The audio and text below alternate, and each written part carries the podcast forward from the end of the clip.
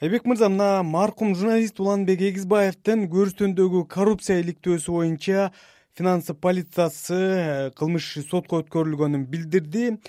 Бирок кызыгы э, берүүдөгү фактылар эмес андан мурдараак катталган фактылар жөнүндө э, айыптар келтирилиптир.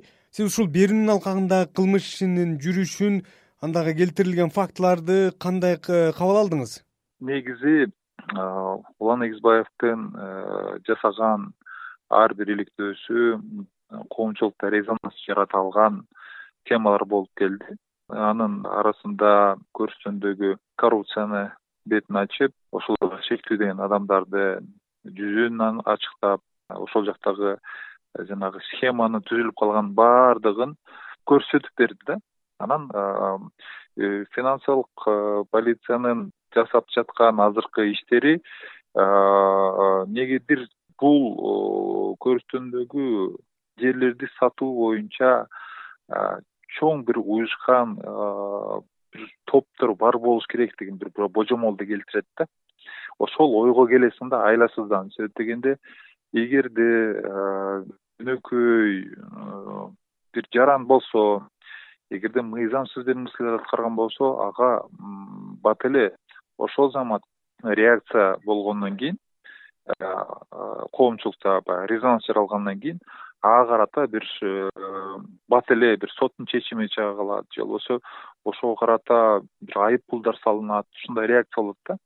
Анан э, ошол көрүстөндөгү мафия азыркы күнгө чейин иштейт. Э, азыркыга чейин жерлер сатылат токтотулган жок. Ошондон улам коомчулукта дагы менде да жеке өзүмдүн оюм да.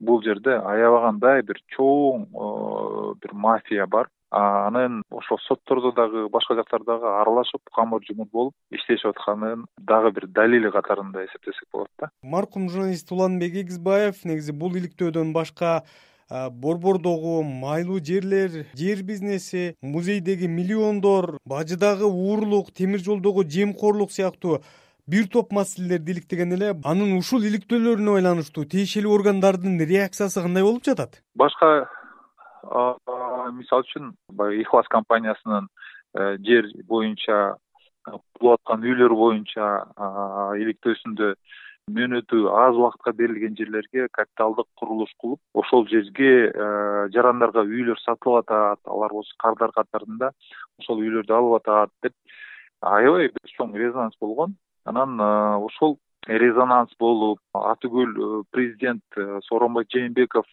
өзү э, ошол уландын жасаган иштеринен улам баягы көзү өтүп кеткенден кийин ата энесин кабыл алганда айткан сөздөрү бар эле. Ооба ар бир э, улан көтөрүп чыккан э, маселелер ар бир иликтөөсүнө жараша аябай биз ушул коррупция менен күрөшүп атабыз. Мына ушундай курч жигиттер улан кыздар керек эле бизге деп басым жасап айткан президенттин сөзү бүгүнкү күндө аткарылган жок да анткени президент э, мамлекеттин баягы гаранты катарында бийликтин бутагын эң башкы тепкичинде турган президент айткан сөзүн аткара албагандан кийин биз анын ылдый жагында э, ошол эле аткаруу бийлигиндегилер э, сот системасында кандай коррупция болуп атканын мындай саясаттан алыс болгон адамдардын деле түшүнүп жатат да.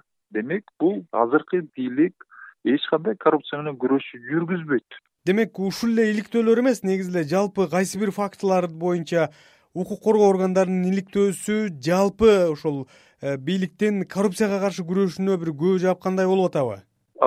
Коррупция менен күрөшүү деген нерсе бул жөн гана сөз эле болбош керек. Биздин уголовный кодексте жазылган коррупция деп элеген эле статья бар да. Анын аныктамасы жок. Анын аныктамасы болуш керек да. Эгерде мамлекетке мынча суммадан жогору зыян келтирген болсо анда ошол коррупция деген үмүттүү аныктама болуш керек эле да. Бизде жанагындай мамлекеттик каттоодо же мугалим болобу же ал врач болобу ошого бир үч миң сом беш миң сом кармата салып анан кармай калганы коррупция менен күрөшүү деп эсептебеш керек